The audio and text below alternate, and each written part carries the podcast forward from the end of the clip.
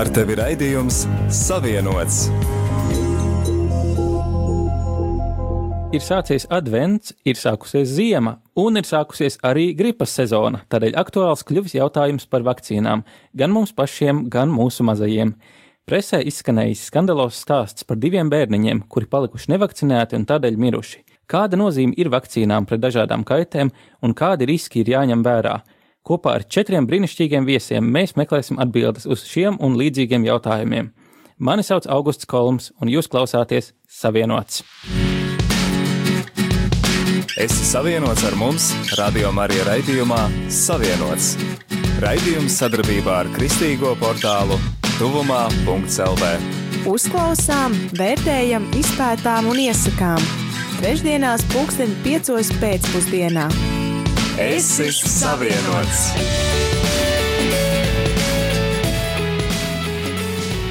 Mūsu reportieri izgāja ielās, lai noskaidrotu, ko cilvēki domā par vakcinēšanos. Vai jūs vakcinējaties, vai jūs vakcinējat savus bērnus un kāpēc? Jā, mēs vakcinējamies. Kāpēc? Tāpēc, ka tā ir noteikti ministra kabineta noteikums. Tāpēc, ja? Jā. Es pati tagad um, vakcinējos pret to. Difterija? Jā, jā, jā, jā. jā. Mm -hmm. To, bet, bet uh, pēc tam vakcinācijām man bija ļoti, ļoti smagi. Mm -hmm. Un tāpēc man likās, nezinu, nu, es, protams, pieaugušas cilvēks, es to visu izturēju, jā. bet bija baigi nu, smagi. Augsta temperatūra bija un tā, bet, nu, nezinu, kā būs. Nu, es būtībā klausīju ārstam ieteikumam, to arī darīju. Es vakcinējos.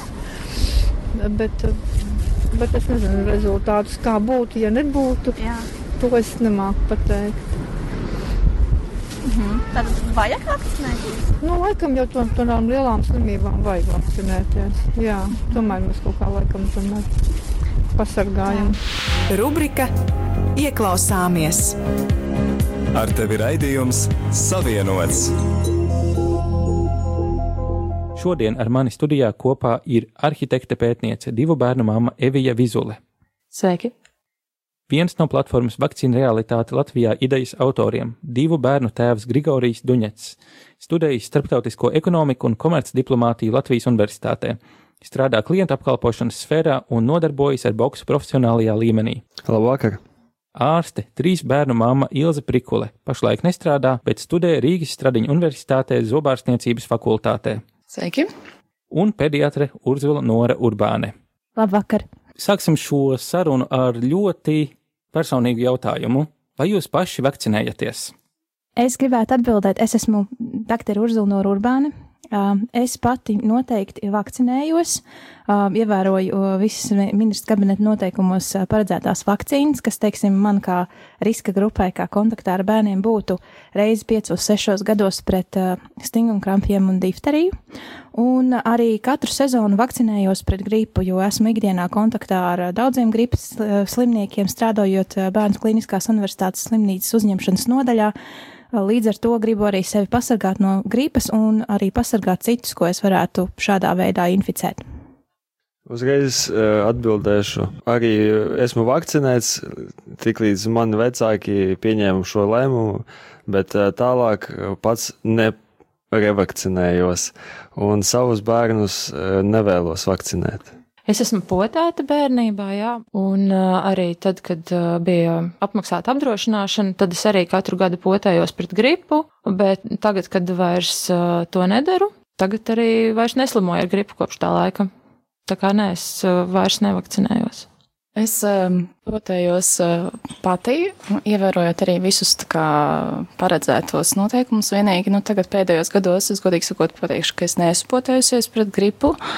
Um, dažādu savu dzīves apstākļu dēļ. Um, bērni savukārt ir saņēmuši pilnīgi visas uh, vecumam atbilstošās potes, un arī, arī ērčensflīti un visu to, ko mēs, uh, tas, kas ir pašlaik aktuāls, to mēs arī potējam mājās. Viedokļi dalās. viedokļi dalās. Kā jūs nonācāt pie sava viedokļa? Kas ir jūsu autoritāte? Es gribēju izstāstīt, kādēļ tieši es piedalos šajā raidījumā. Man bija tāds aicinājums uh, tieši krist, kristīgā vidē, kristīgā raidījumā piedalīties un tieši šis autoritātes jautājums, jo mums kristiešiem autoritātei ir jābūt Dievam, Jēzum Kristum. Un uh, šajā brīdī, kas notiek sabiedrībā un mēdījos, tu redzi, ka tev ir tā uzspiestais tāds, uh, tāds baiļu, nu, tāds, bai, nu, es nolēmu vienkārši, ka es baiļu iespējā nepieņemšu kaut kādus lēmumus un paļaušos uz Dieva autoritāti un gribu pieņemt šos lēmumus par savu bērnu vakcinēšanu, balstoties tieši uz ticību un šo mieru, nevis to, ko man uzspiež sabiedrība, ka man pasaka, o, tu būsi tāda un tāda māte, nu tad tu mirsti vai kā, nu es jūtu vienkārši, ka, nē, es negribu dzīvot tādā sabiedrībā, kur novēlam viens otram nāvi, es gribu pieņemt mierā un informētus lēmumus, tādēļ arī šobrīd mēs esam atlikuši savu bērnu vakcināciju, jo mēs to gribam pieņemt uh, mierā un uh, informēti. Es arī gribētu papildināt par vakcinēšanos, kad uh, mans viedoklis ir tāds, es uh, labprāt uh, dzīvoju dabiskā veidā un bez mākslīgiem imunitātes veidojumiem, jo mums ir tā, tā, paši, tā pati izslimošana, kas ir dabīgā veidā, un es arī kā Latvijas kristietis uh, negribētu neko no sabiedrības uzspiestu viedokli pieņemt uz sevi. Es saprotu, ka ir pētījumi, bet ir arī pētījumi uz abām pusēm. Un es uh, pieņemu lēmumu nevakcinēt sevi un savus bērnus.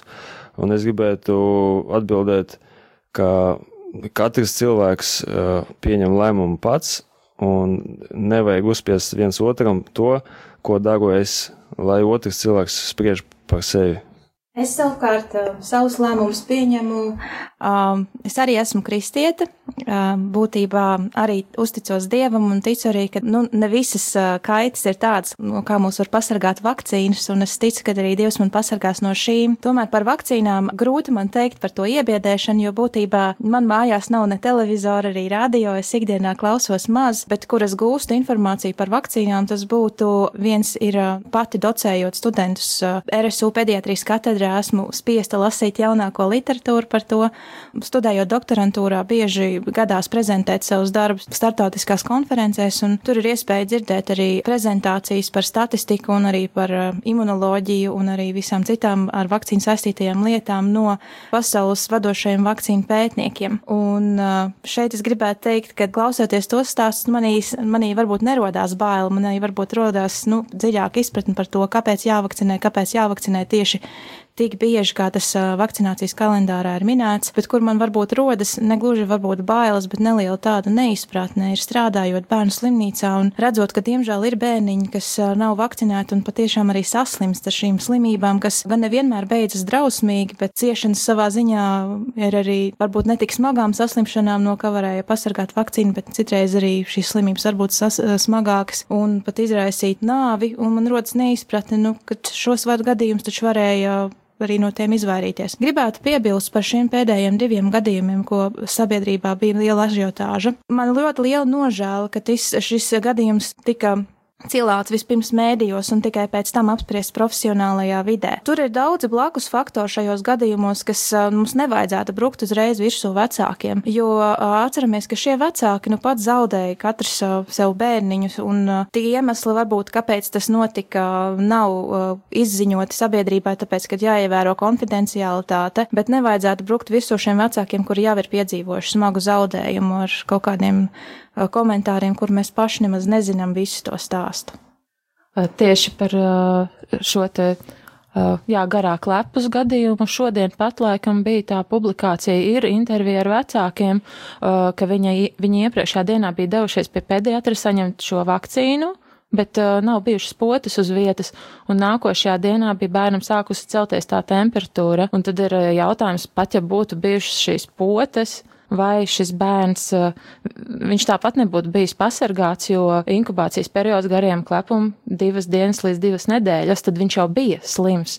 Reāli, nu, to mēdī vienkārši pacēla kā milzīgu sensāciju, kaut gan īstenībā, ja tas būtu bijis eh, savakcinēts, tad, nu, diez vai viņi varētu to tā izmantot un cilāt. Nu, es nezinu, vai tā bija iepriekšējā diena vai mēnesis. Nu, tur bija rakstīts. Tur nu, bija labi. rakstīts tā. Bet runājot par garo klepu, tur jau ir tā lieta, ka uh, šī tik mazus bērnus pārsvarā inficē citi, kas ir nevakcinēti, un tamdēļ arī runa ir par to pūļa imunitāti. Un, uh, domājot par saviem bērniem, pieņemot lēmumus, uh, es vakcinēšu vai es nevakcinēšu, jāatcerās, ka mēs ietekmējam ne tikai savu bērnu, uh, bet arī uh, pārējos bērnus, kurus uh, mans bērns uh, varbūt ar savu dabīgo imunitāti pārsimotu vieglā formā, vai arī mēs nekad nevaram paredzēt, kādā formā, tikmēr viņš var inficēt kādu bērnu, kuram ir jau tā nomākta imunitāte, ka viņam pat nav atļauts vakcinēties, vai arī viņš vakcīnām ir pa jaunu, un šim bērnam gan tās sekas būs daudz smagākas. Par pūļa imunitāti es arī gribētu pateikt, ka cilvēki, es ticu, ka viņi paši savu dabīgā imunitāti veidojās gan bērniem, gan pārējiem. Un, ja, ja man bērni izslimos dabīgā veidā, es ticu, ka viņi arī būs veseli pēc tam, un arī tas, ka viņi var, var arī nesaslimt, pat bez potes var nesaslimt un būt veseli. Un es arī gribu pateikt, ka tie bērni, kas jau ir vakcinēti, viņiem nebūtu par ko uztraukties tajā gadījumā. Es gan gribētu nedaudz oponēt, teiksim, nu, varbūt mēs varam aizdomāties, nu, masals pirms uh, vakcinācijas ēras visi izslimoja viņas, un tās smagās komplikācijas tiešām bija tikai dažiem bērniem. Bet atceramies, ka šīs slimības jau nebija tikai masals un tikai kaut kādas uh, vidusavas siekais un vai plaušu karsoņi. Tās bija arī tādas slimības kā, teiksim, difterija un poliomielīts, un kur nu, mēs uz savu dabisko imunitāti varam paļauties šajā ziņā mazākā uz dabisko izlasi. Ja skatāmies uz 60. gadiem, kad šī vakcinācijas aptver nebija tāda tādām vakcīnām, kā šo, šobrīd, teiksim, bija 17 poliomielīta gadījumi, ja mūsdienās, teiksim, gadā, ja mūsdienās, teiksim, šo gadījumu vairāk nav. Un uh, ņemot vērā to, kāda pasaulē šobrīd ir migrācija un brauc cilvēki no karaskartiem apgabaliem, brauc cilvēki no apgabaliem, kur šī vakcinācijas varbūt vispār ir palaista garām vai nav bijusi, tad mēs nekad nevaram garantēt, ka mēs savā dzīvē nekad nebūsim kontaktā ar šīm smagajām saslimšanām, kur nu, nostrādās dabiskais mehānisms, ko sauc par dabisko izlasi. Interesanti ir, jā, ka jūs pieminat to poliomielītu, jo uh, nesen bija tas gadījums, kad Ukrainā divi bērni saslima ar poliomielītu, un tas bija tieši no vakcinētajiem viņi saņēma šo te, kas tas ir vīrus vai baktērija, un uh, ka tas tika pacelts tā, ka vai tagad visi vakcinējieties, jo no Ukrainas var ienākt mums tas poliomielīts. Netika izcelts tas, ka tas ir nāk no vakcinētajiem, un ka, nu, netika paziņots, kā mēs varētu izvairīties no tā. Un vēl par to kolektīvo imunitāti gribēju teikt, ka izskatās, ka drīzāk vakcinējot, tu nevis piedalies pār to imunitāti, bet pret, jo ja no tevis nāk ārā šī iespēja, nu, ja tu esi kļūst infekcijos tik līdz tu sapotējies, tā tad tu nepiedalies kolektīvajā imunitātē. Un uh, man ir tā kā šitas epidemioloģijas biļetens, uh, kur uh, par poliomielītu epidemioloģisko uzraudzību Latvijā no 8. līdz 12. gadam, un šeit ir uh, ūdens paraugu ņemšana, uh, un uh, gan uh, Rīgas kolektorā, gan uh, citā teritorijā Latvijā mēs redzam, ka ir atrasts poliomielīta uh, uh, cēlums, un šis ir divos paraugos, un viņš ir konstatēts kā vakcīnas poliovīrusa cēlums. Tas nav dabīgais, bet no vakcīnas. Tātad šie cilvēki, vakcinētie, izplata to. Līdz ar to ir baigi nu, sarežģīta tā, tā kolektīvā imunitāte. Ļoti sarežģīta. Gribētu, es šeit gribētu paturpināt par uh, dabisko atlasi.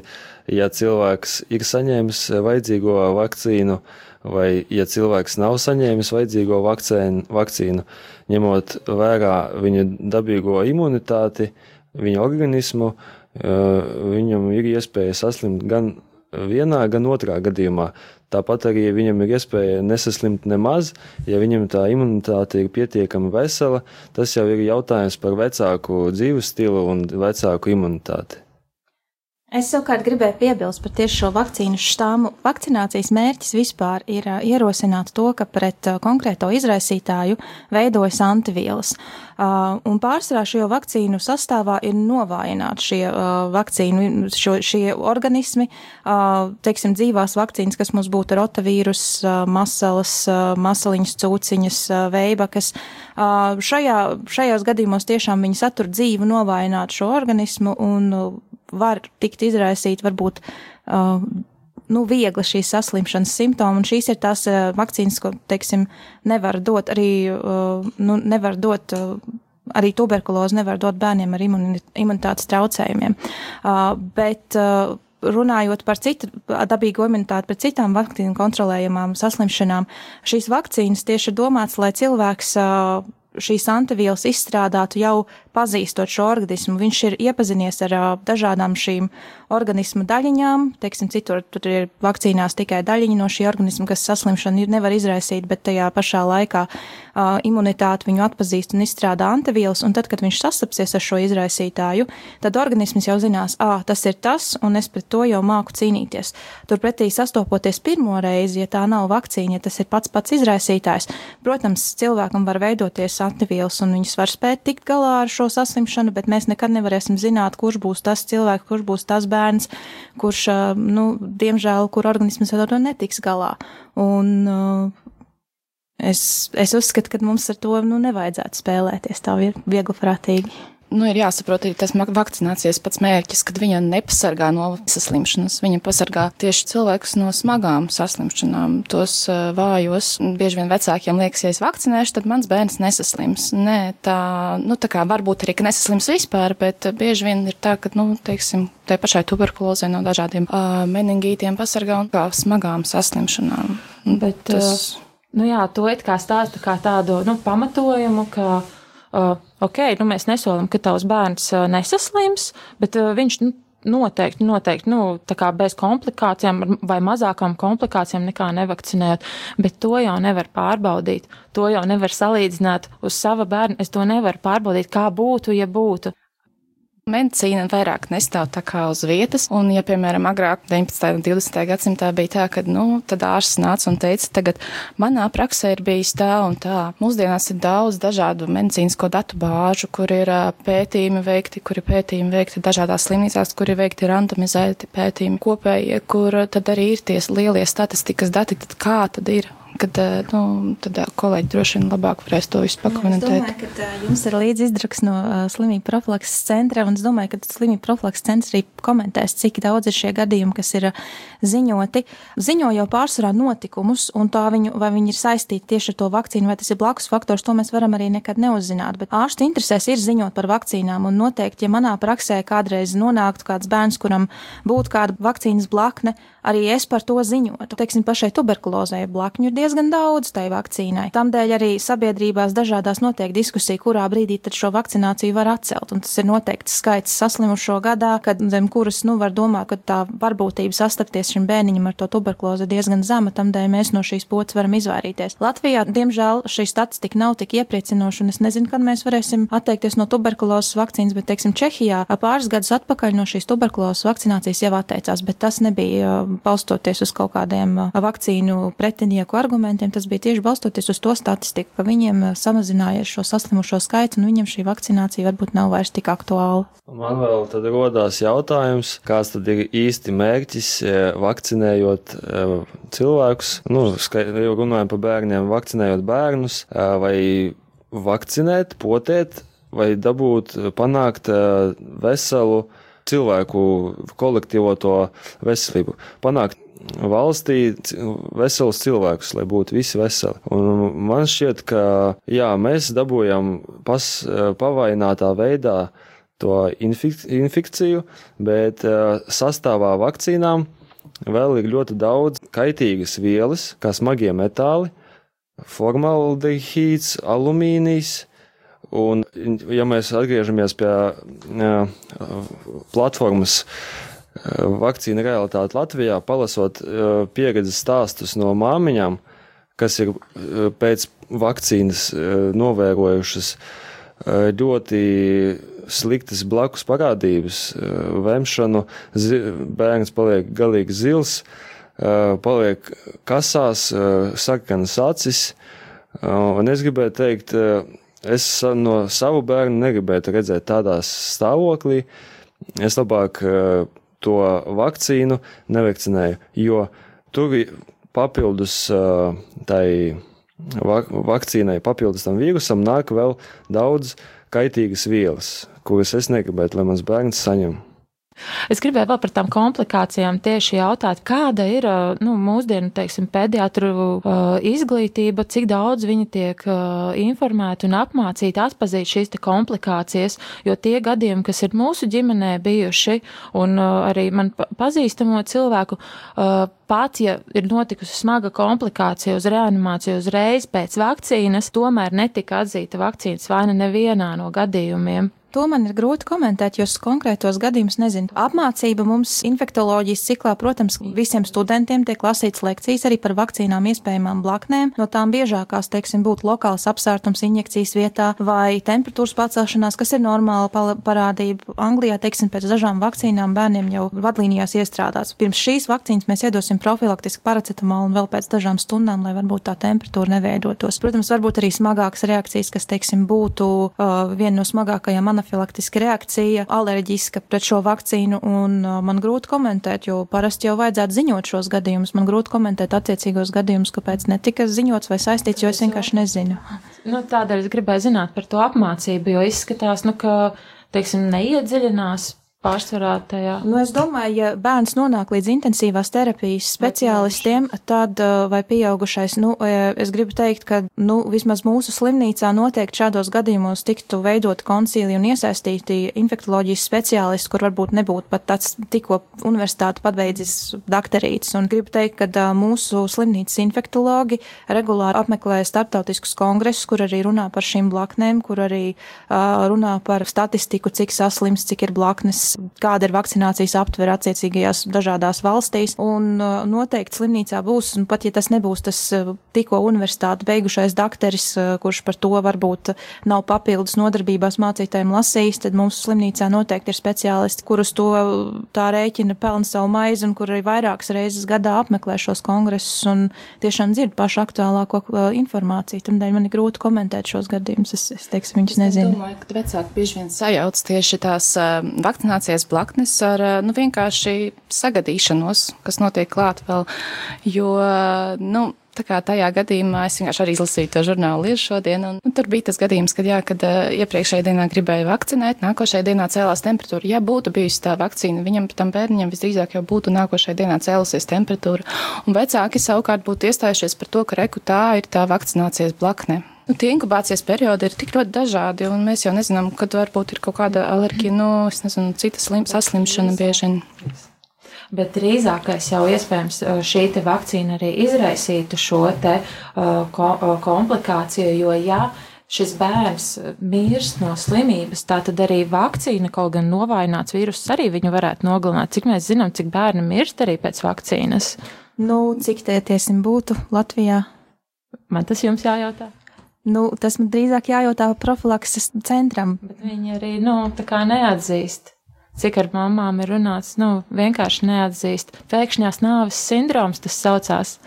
Nu, tieši runājot par pēkšņās nāves sindromu, tur gan ir starptautiski pētījumi, kas apliecina, ka saistība ar vakcināciju nav. Kas ir varbūt liekas, ka saistība, tāpēc, ka šis vecums, kad šis pēkšņās nāves sindroms notiek, tas būtu, teiksim, pīķa vecums, divi līdz četri mēneši. Ir arī tas vecums, kad bērni bieži vien uh, uzsāk savu vakcināciju, bet tieši kauzalitāte, ka tā ir vakcīnas izraisīta, to tā nevar īsti pateikt. Grūti ir spriest par to, kur ir biežāk vakcinētiem vai nevakcinētiem, jo, vakci jo pārsvarā populācijas ir vakcinēta, un tad būtu jādabūt tāda pati kohorta nevakcinētiem, ko ir grūti dabūt. Bet uh, šis pēkšņās nāves sindroms, viņš nav izskaidrots, no kā tas rodās, un tur var būt dažādi faktori, kas var tur būt apakšā, bet to jau tā arī nekad nenoskaidro. Tāpēc tāpēc viņi arī sauc pēkšņās nāves sindroms, ka pat autopsijā nevar atrast šo cēloni, bet ar vakcināciju, nu, gan pašlaik nav nekāda tāda cieša pierādījuma, kas to saistītu.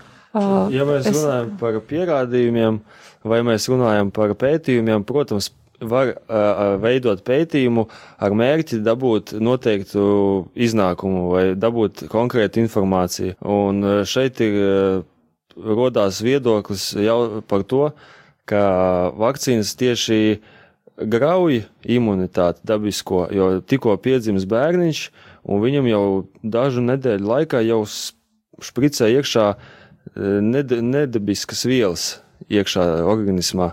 Un, tas nav pētījums, bet tas ir dzīvu cilvēku reāli dzīves pieredzes stāsti. Un, vienai sievietei pirmais bērns vakcinēts, viņam ir alerģija, viņam ir ne, nevarēšu uzreiz visu uzskaitīt, bet salīdzinājumā ar otru bērnu, kas netika vakcinēts, tā atšķirība ir tā, ka otrais bērns ir krietni veselāks, un viņam ir imūnsistēma diezgan labi attīstījusies. Bet pirmais bērns to imūnsistēmu jau ir dabūjis uh, triecienu pa imūnsistēmu tieši ar vakcīnu. Es domāju, ka trieciens imūnsistēmā ir mūsu katru dienu.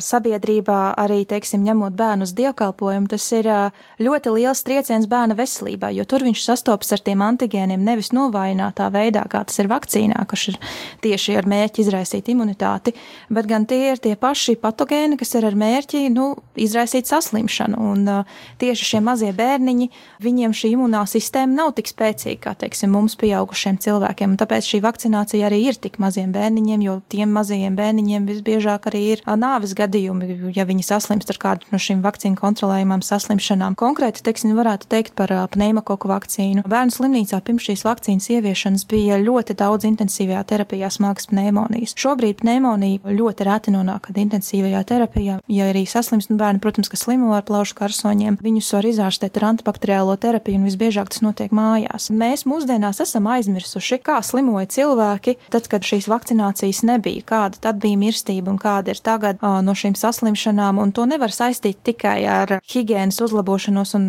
barojumu uzlabošanos un citiem apstākļiem, jo atceramies, mana mamma, teiksim, gāja skolā pirms 60. gadu robežas, un viņiem šī padomu laikā šī higiena tika ievērota nu, daudz striktāk nekā tagad. Tur regulāri skolotāji pārbaudīja, vai bērniem ir tīras rokas, tīras apģērbs. Mūsdienās tas nenotiek, un vienalga tā saslimstība ar šīm vakcīnu kontrolējamām saslimšanām ir samazinājusies izdevies, un es, es ticu, ka tas tiešām ir vakcinācijas dēļ.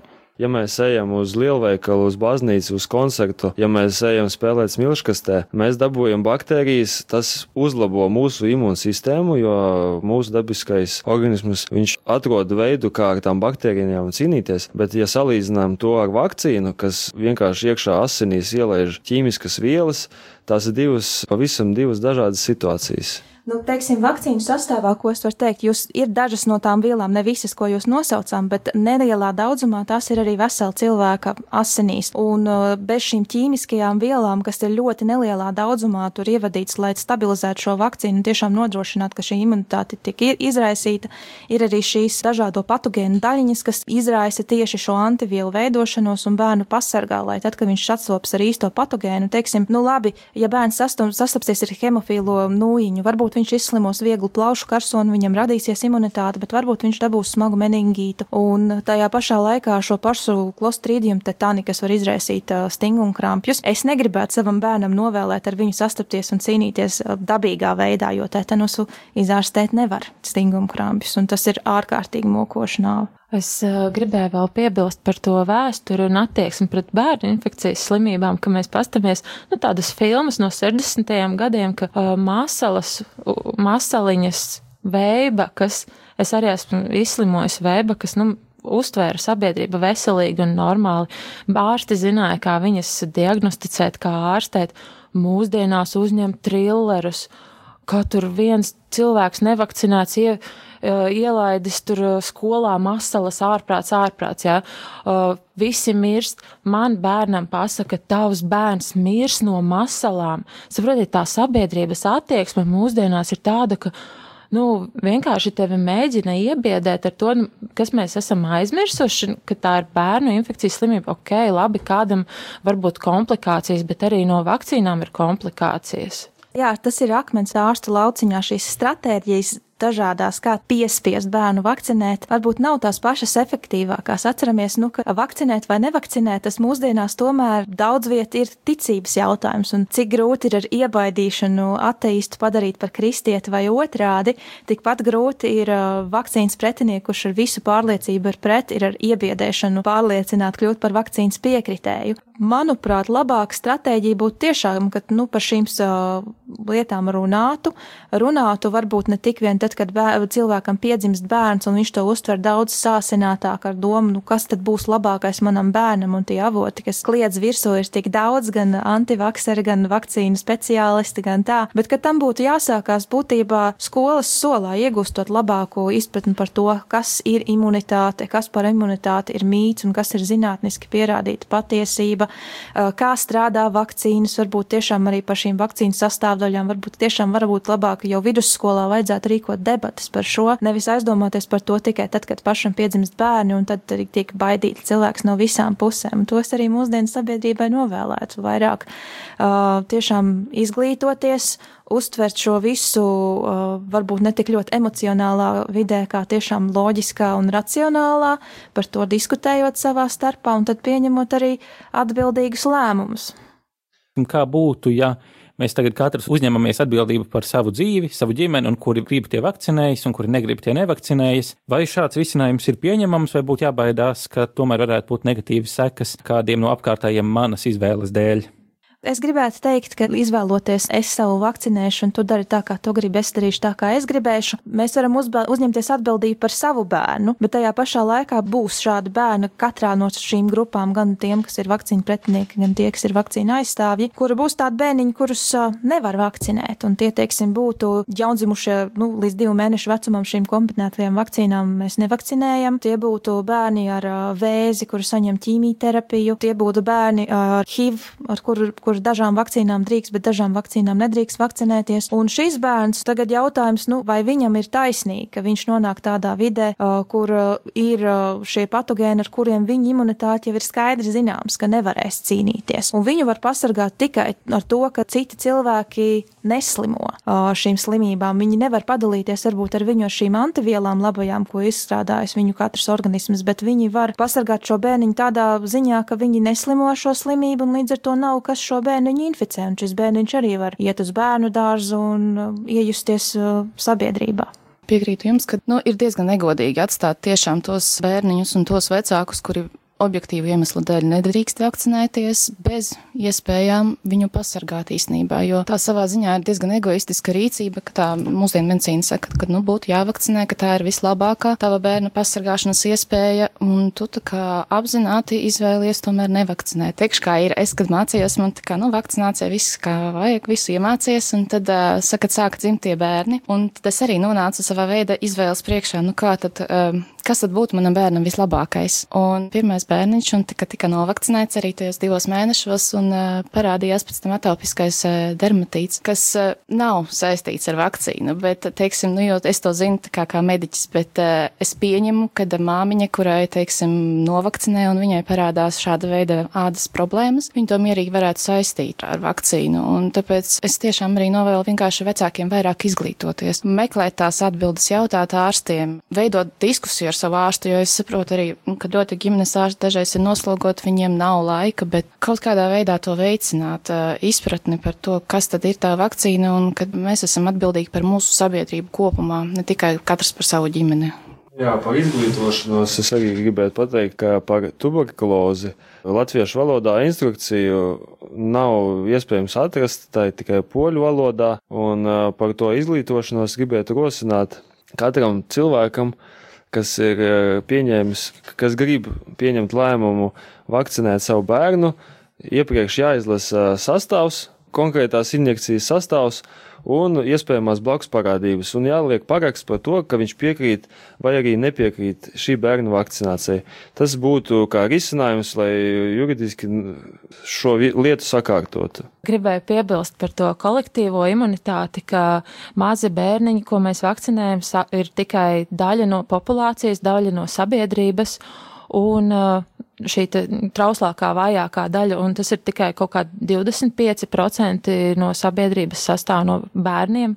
Līdz ar to prasīt vecākiem atņemt viņiem pabalstus tādēļ, ka viņi izvēlas šobrīd nogaidīt vai nav neizvēlas vienu vai otru vakcīnu, ir negodīgi. Pirmkārt, mums būtu jāprasa riska grupām cilvēkiem ap 50 gadiem, alkoholiķiem, kuriem, piemēram, ir difterijas augstākais risks izplatīt un saslimt ar difteriju, lai viņi potējas. Nu, sākam ar pieaugušajiem, jā. Un, ko es vēl par to izglītošanos gribēju teikt, ka īpaši kristiešiem, es lūdzu, tas ir svarīgi, mums ir jābūt izglītotiem un jābūt drošiem un jāprasa ārstam zāļu apraksts, instrukcija, jo tas satur mums svarīgu informāciju, kā piemēram, mēs sākot pētīt sastāvus uzzinājām, ka vakcīnas nav gluži ētiskas, ka viņas saturā aborta, aborta sastāvdaļas, abortētu bērnu šūnas. Un uh, tas raisa ļoti daudz jautājumus kristiešu vidū, viena ir par, otru pret, un katoļi ir jautājuši Vatikānam, ko darīt šajā sakarā, un Vatikāna pontifikālā dzīvības akadēmija ir izdevusi veselu dokumentu, ko darīt, un viena no svarīgākajām lietām ir, ka tev, kā katoļu vecākam, ir pienākums prasīt savai valdībai pēc ētiskām vakcīnām, prasīt alternatīvu, jo, piemēram, šobrīd vēbaku vakcīnai nav alternatīvās iespējas Viņas sastāvā mēs varam redzēt, ka e, ir diploidālās šūnas, kas ir iegūtas no aborta, un, e, ja tu vēlies vakcinēties pret šo slimību, tev nav izvēles, un tas ir ļoti liels jautājums tev kā kristietim, es tā uzskatu. Es gribētu piebilst, nu, jāiepazīst, kas ar konkrēto vakcīnu vai tiešām šīs Latvijā pieejamās to saturu, un jāzina, ka tās noteikti nav visas vakcīnas, un es, ja godīgi, nu, neesmu dzirdējis par tām. Es zinu, ka ir tādas diskusijas, kuras par atsevišķām vakcīnām, ka teorētiski tā varētu būt. Es pat neesmu par to daudz, nu, tik ļoti iedziļinājusies, bet jāpaskatās, vai tiešām tās ir tās, kas ir Latvijā pieejamas vakcīnas un kuras tieši tās ir, jo, nu, visas tās nevar. Tāpat kā bija tas lielais sabiedrības tas uh, haist par timerosālu, ka vakcīnas nevar uh, dot bērniem, jo viņas satur to timerosālu, kam ir saistība ar kaut kādām nervu darbības attīst, attīstības traucējumiem. Nu, Latvijā pieejamās vakcīnas šo timerosālu, teiksim, nesatur, un tas ir skaidrs zināms. Jā, to var noskaidrot, ejot valsts zāļu aģentūras mājaslapā un uh, vakcīnu sarakstā, apskatoties zāļu aprakstu, jo man te ir uh, izdrukāti, piemēram, ir uh, varivaks uh, vakcīna pret veibakām, un mēs redzam uzreiz uh, sastāvā ir iegūts no cilvēku diploidām šūnām. No kurienes nāk tā pārliecība, ka tās ir uh, aborta atliekas tieši? Uh, šis te MRC5 š, uh, un palasot iegūšanu, Tu vari to noskaidrot. Kurā vietā var palasīt to iegūšanu? Citos dokumentos es esmu izprintējusi arī, kādā veidā tiek no jauna uh, izstrādā, izstrādātas uh, šīs te cilvēku šūnas no abortiem ar jauna līnija diploidālo šūnu Valvaks 2 varat palasīt, tad izskatās, ka neesat dzirdējusi.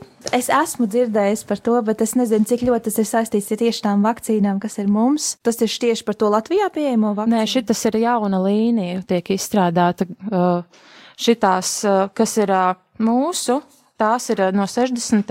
gadiem. Tur tieši rakstīts, ka viņas nāk no abortu atliekām? Jā, tur ir aprakstīts arī, kādā veidā tiek veikti aborti un kurās nedēļās. Es gribētu tā noslēgumā varbūt pavisam īsi, kas ir labākais vai jūs prat sliktākais, ko vakcīnas ir izdarījušas. Nu, manuprāt, labākais ir tas, ka šī saslimstība ar daudzām ir tiešām, vai vismaz komplikācija daudzums tiešām ir samazinājies, un to mēs varam redzēt, skatoties uz laikiem pirms vakcinācijas ēras un to, kas ir tagad.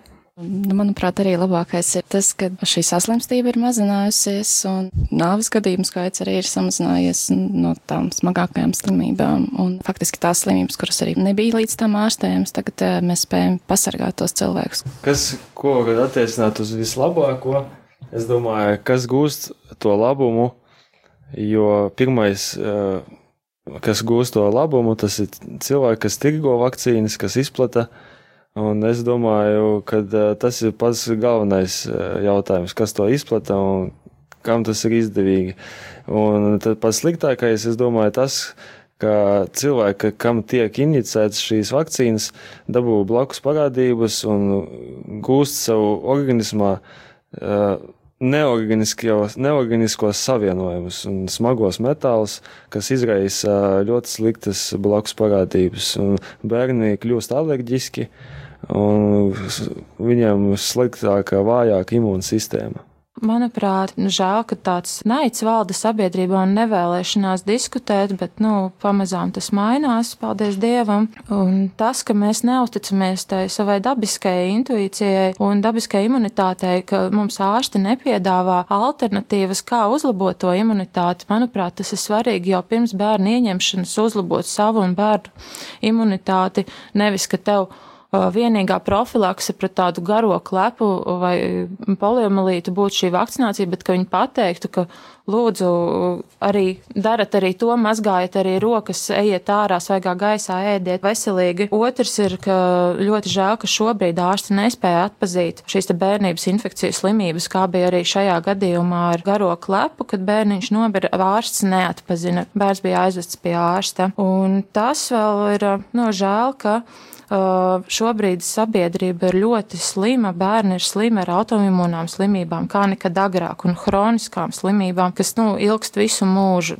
Nu, To varat vilkt vai nevilkt ar uh, vakcīnām. Varbūt tā ir sagadīšanās, varbūt to ietekmē, nezinu, zobu pasta, smagie metāli no gaisa, bet uh, manuprāt, arī tam, ka mēs ievadam pa taisno asinīs alumīniju, arī tam varētu būt šī ietekme negatīvā.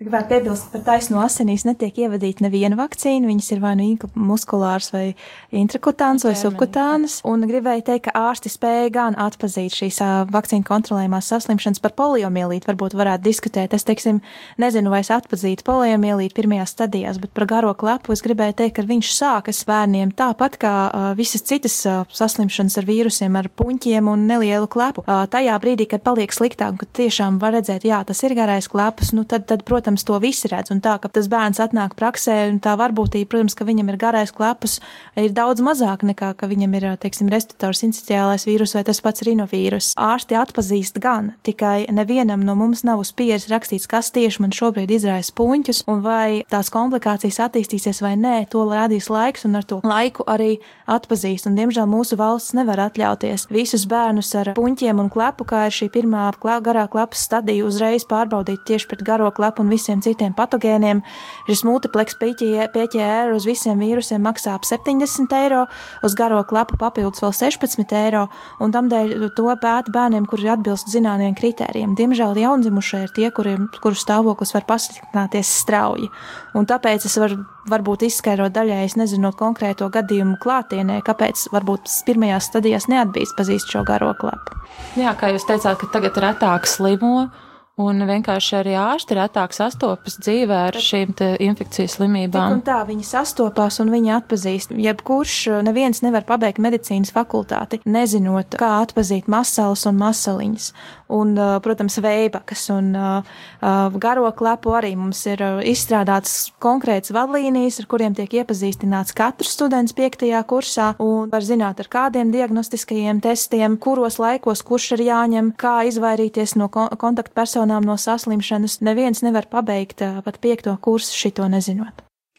Sacīsim paldies mūsu viesiem par veltīto laiku. Šodien ar mani studijā kopā bija arhitekta pētniece, divu bērnu māma Evija Vizule, viens no platformas vakcīna realitāte Latvijā idejas autoriem, divu bērnu tēvs Grigorijs Duņets, ārste trīs bērnu māma Ilze Prikule un pediatre Urzula Nora Urbāne. Savu mieru tu mums dod nekā pasaulē dod, lai mūsu sirdis neizbīstās.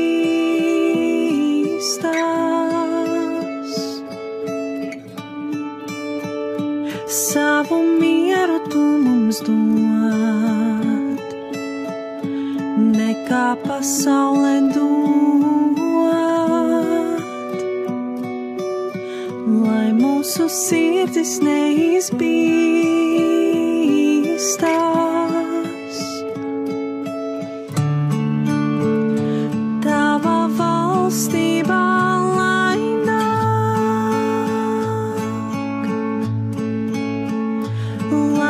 Pašām dzīvēm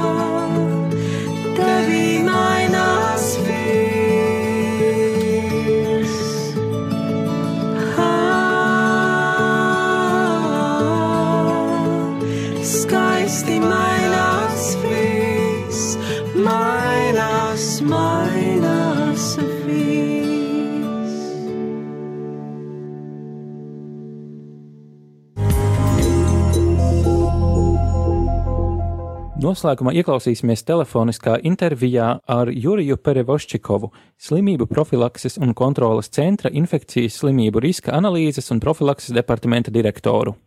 Vakcinē iedarbības princips iziet no tā, kā labāk novērst slimību nekā pārslimot. Parasti infekcijas slimības cilvēks slimo vienu reizi, pārslimot cilvēkam veidojas imunitāte, jo baktērijas vai vīrusi iedarbojas uz speciālām imunatmiņas šūnām, un šīs šūnas producē specifiskas antivielas, kuras atpazīst un nogalina konkrētu ienaidnieku, baktēriju vai vīrusu. Pēc šāda principa darbojas arī vakcīnas. Vakcīnas satur vai kaut kādas tikai mazas daļiņas no tās baktērijas vai vīrusa, vai vīrus vai baktērija pilnībā nogalināta un nedzīva, un dažreiz arī satur eh, vīrusus vai baktērijas, kuras tomēr ir dzīvas, bet novējinātas, un nekāda vakcīna nevar izraisīt tādu saslimšanu, kuru var izraisīt savvaļas vīrus vai baktērija. Ievadot šo novējināto baktēriju vai vīrusu cilvēka organismā vai to daļiņu, tiek līdzīgs process kā pie dabiskas inficēšanas, imunoloģiskas šūnas sastopas ar šo ienaidnieku, producē antivielas, producē citas aizsardzības mehānismus un arī paliek imunoloģiskā atmiņa. Cilvēka organisms atbrīvojas no ievadītas vakcīnas un arī nākotnē cilvēks inficējas, bet infekcijas process nenotiek un cilvēks neslimo pie atsevišķām slimībām, varbūt arī saslimšanā, bet viņa būs daudz vieglāka nekā pēc inficēšanas ar savvaļas izraisītāju.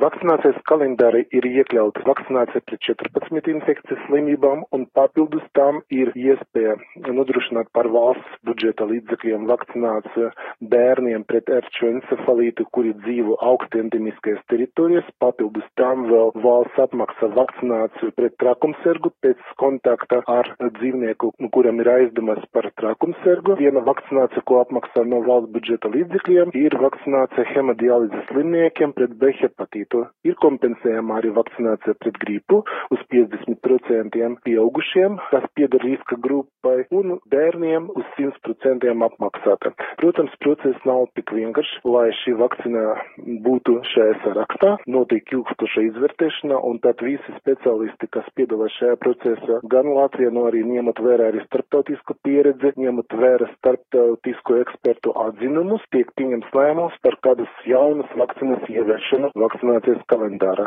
Modernas vakcīnas ir kombinētas, un līdz ar to injekciju skaits ir mazāks. Tātad visas vakcīnas, kuras pašreiz ir iekļautas vakcinācijas kalendārā, no ekspertu viedokļa ir pilnībā atbalstāms. Šīs uh, vakcinācijas glāb bērnu un pieaugušu cilvēku dzīvības, novērst ciešanas no saslimšanām, novērst invaliditāti. Kolektīva imunitāte un populācijas imunitāte ir ļoti svarīgs iedziens. Nevienam medikamentam, izņemot vakcīnu, šī īpatnība ne, nepieņem. Tas nozīmē, ka vakcinācija ir divi efekti. Tiešais efekts, kuru eh, mēs vakcinējam bērnu, vakcinējam pieaugušu cilvēku, un tieši šis bērns vai pieaugušais cilvēks neslimo ar konkrētu slimību. Tas ir tieši pozitīvs vakcinācijas efekts. Otrs efekts, kurš ir sasniedzams, ir eh, kolektīva vai populācijas imunitāte, kad lielākā iedzīvotāja daļa ir vakcinēta, aizsargāta neuzņēmīga pret infekcijas slimībām, šajā gadījumā infekcija nevar izplatīties, jo, lai infekcija izplatītos, ir nepieciešama tā saucama izplatīšanas ķēde, kad infekcija pāriet no viena cilvēka uz otru uz trešo. Viņi nevar pāriet no viena vakcinēta cilvēka uz otru. Un ja šajā kolektīvā starp bērniem, kuri ir vakcinēti, ir viens otrs bērns, kurš, kurš nav vakcinēts, viņš būs arī pasargāts no konkrētas slimības tikai tāpēc, ka apkārt ir tie bērni, kuri neslimo ar šo slimību, un to sauc populācijas vai kolektīva imunitāte. To vajadzētu atcerēties, ja mēs domājam arī par savu tuvinieku veselību, un arī topušas mamiņas, kuri domā par vēl nedzīmušu bērna veselību un aizsardzību pret atsevišķām slimībām, tie skaita pret gripu, vajadzētu padomāt, un valsts tagad arī šo vakcināciju kompensē pret gripu. Tātad gan mamiņa būs pasargāta, un arī piedzimušais bērns, tāpēc, ka viņš dabūs no mamiņas antivielas. Svarīgi, lai arī ģimenes, kur ir novājinātie cilvēki, tāda viena vai otra iemesla dēļ nevar saņemt vakcināciju pret grīpu vai pret citu infekciju, būtu vismaz tie radnieki, tuvie cilvēki vakcinēti. Līdz ar to kolektīva imunitāte nostrādās arī šajos gadījumos un neimūns cilvēks būs arī pasargāts. Dažreiz uzdot tādu jautājumu, kāpēc vajadzētu baidīties no nevakcinētiem bērniem, tiem bērniem, kuri ir vakcinēti. Atbildi ir ļoti vienkārša. Mēs e, nedzīvojam ideālā pasaulē un neviens medikaments šai pasaulē nav simtprocentīgi efektīvs. Tas pats attiecas arī uz vakcīnām. Kā piemērs pierādīts, ka divas potes pret masalām pasargā 97 bērnus no 100 vakcinētiem. Tas nozīmē, ka trim bērniem kādu iemeslu dēļ imunitāte neizveidojas. Mēs nevaram zināt, kas ir tie trīs bērni no 100 vakcinētiem, kuriem nav imunitātes pēc vakcinācijas, bet kolektīva imunitāte, ka tie 100 bērni, tomēr 97 ir aizsargāti ar vakcināciju un nevar saslimst, viņi arī pasargās šos bērnus, kuriem imunitāte neizveidojusies jebkurā pārtikas produkta, ūdeni, atmosfēras gaisa, kuru mēs elpojam, ir dažādas vielas, kuras var arī negatīvi ietekmēt organismu. Svarīgi, lai šo vielu daudzums nebūtu liels, kas patiešām varētu kaut ko ietekmēt. Vakcīnas sastāvā ir gan tā aktīva viela, kurā izraisa imunitāte, un arī ir dažādas palikvielas, kuras palīdz vakcīnas aktīvam vielam iedarboties efektīvāk, lai vakcīna būtu stabilākā un būtu iespējas ilgāk uzglabāt, bet šo vielu daudzums ir tik niecīgs un viņš ir rūpīgi kontrolēts. Vairākus pētījumus sekotnie pirms vakcīna ir aprobēta un saņemta atļauja tas izplatīšanai notiek pirms tie testi un pārbaudes un arī pēc tam notiek izplatīšanas procesa stingrs monitorings par reakcijām, kuras varētu notikt pēc vakcinācijas. Tātad vakcīnas ir no visiem medikamentiem visdrošākais produkts, jo vakcinam ir īpaša uzmanība, ka vakcinas ievada veseliem bērniem, veseliem cilvēkiem, un modernas vakcinas ir to drošību un efektivitāti atzīst Eiropas medicīnas aģentūrā, jo nepieciešams iziet ar visiem pārbaudas rezultātiem un testiem, un tur skatas, protams, uz to paliku vielu daudzumu, vai viņš nav kritisks, vai viņš ir pieļaujams, un šo vielu daudzums ir tāds, kāds ir lielākai daļai ir pieņemams. Protams, ir atsevišķas gadījumos individuāla reakcija, pie, piemēram, kā anafilaktiska reakcija, bet uh, statistikas dati rāda, ka uz kaut kādu vakcīnu tā anafilaktiska reakcija, smaga alergiska reakcija, kura notiek uzreiz pēc vakcīnas ievadīšanas, šo reakciju biežums ir viens uz vienu miljonu vakcinētu bērnu. Tad tas ir ļoti, ļoti reta reakcija. Citas vakcīnas sastāvā esošas vielas parasti var izraisīt tipiskas reakcijas, kā nedaudz paaugstinās temperatūra, var būt sāpes vakcīnas ievadīšanas vieta, apsartums, pietūkums. Tas ir normāli. Tas nozīmē, ka vakcīna darbojas un cilvēkam notiek imunitātes izstrādes process. Atsevišķas gadījumus ir iespējamas smagākas reakcijas, bet šo reakciju biežums ir nesalīdzināmi mazāks nekā, ja cilvēks saslimst. Ar masalām saslimušie bērni viens no desmit veidojas vidus als iekaisums, kas ir iemesls, kāpēc bērns hospitalizēts. Vienam uh, no desmit bērniem veidojas smaga caurija. Vienam no 20 bērniem attīstās pneimonija, jeb plaušu karsonis, kas ir arī dzīvībai apdraudoša situācija, un vienam uz tūkstošu bērniem veidojas encefalīts. Mēs tikai arī analizējam datus par to, cik mums ir reģistrētas būtu smagas reakcijas pēc vakcinācijas. Nu, faktiski ļoti, ļoti maz šo reakciju skaits, bet pirms divām nedēļām bija publicēti dati, ka pēdējo astoņu gadu laika no vakcīnu regulējumam slimībām mīruši 15 bērni, tas ir mīrušie no tām slimībām, no kuram nevērstu mirst mūsdienas, tāpēc, ka ir ļoti efektīvs aizsardzības līdzeklis, kā vakcinācija. Tur bija gan gripas saslimšanas gadījumi, gan garais klēpus. Šie statistikas dati papildus liecina par to, ka labāk slimību novērst, nekā šo slimību izslimot. Un ļoti svarīgi arī sekot speciālistu noteiktajam vakcinācijas kalendāram, dienam un mēnešiem, gadiem, kad ir nepieciešama vakcinācija vai balsta vakcinācija atsevišķiem vakcīnām nepieciešams uzturēt imunitāti pret šo slimību ilgāku laiku un kavēties ar vakcinācijas uzsākšanu būtu bīstami, īpaši maziem bērniem. Pirmajā un otrajā dzīves gada komplikāciju risks no konkrētam slimībām ir ļoti liels, un tie nāves gadījumi, kuri bija reģistrēti pēdējos gadus tieši maziem bērniem, būtu novēršami, ja būtu vakcinācija veikta savlaicīgi. Tāpēc vakcinācijas atlikšana var būt konkrēta bērna dzīvībai bīstama. SPKC, protams, aicina uzmanīgāk un nopietnāk attiekties pret vakcinācijas jautājumiem, neaizmirst un sekot ģimenes ārsta norādījumiem, izrunāt, ja ir kādi strīdīgi jautājumi, un vakcinācijas kalendārs ir pieejams, vakcinu lietošanas instrukcijas arī ir pieejamas,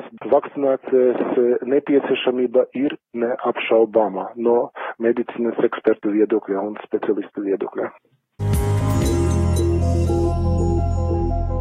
Nākamreiz tiekamies raidījumā pēc divām nedēļām. Sekojiet līdzi aktualitātēm internetā, tuvumā LV, kā arī sociālajos tīklos, Twitter kā attuvumā un Facebook kā tuvumā LV. Tiekamies pēc divām nedēļām. Tu klausījies raidījumu Savienots. Būsim atkal ēterā trešdien pulksten piecos pēcpusdienā. Klausies mūsu radio Marija un lasi kristīgo portālu tuvumā.lv. Es esmu savienots!